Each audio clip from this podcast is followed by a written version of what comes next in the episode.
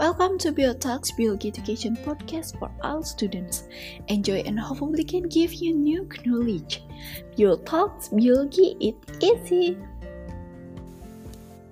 Hello biologists, I'm Putri and my partner Abu Bakar and also Gita Putri. And this chapter is discuss about the origin of major organs. For previous, the origin of the major organs and the end of gastrulation discussed in the previous chapter, a human embryo has three layers of tissue and the beginnings of some of the major structure of the body.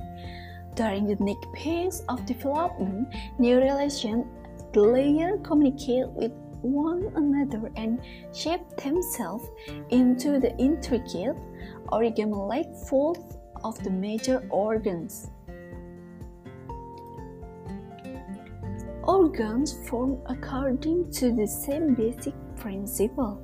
The aim of this chapter is to give a taste how developmental biology study the very complex rearrangement of cells that create tissue. And for you all, please stay in this episode.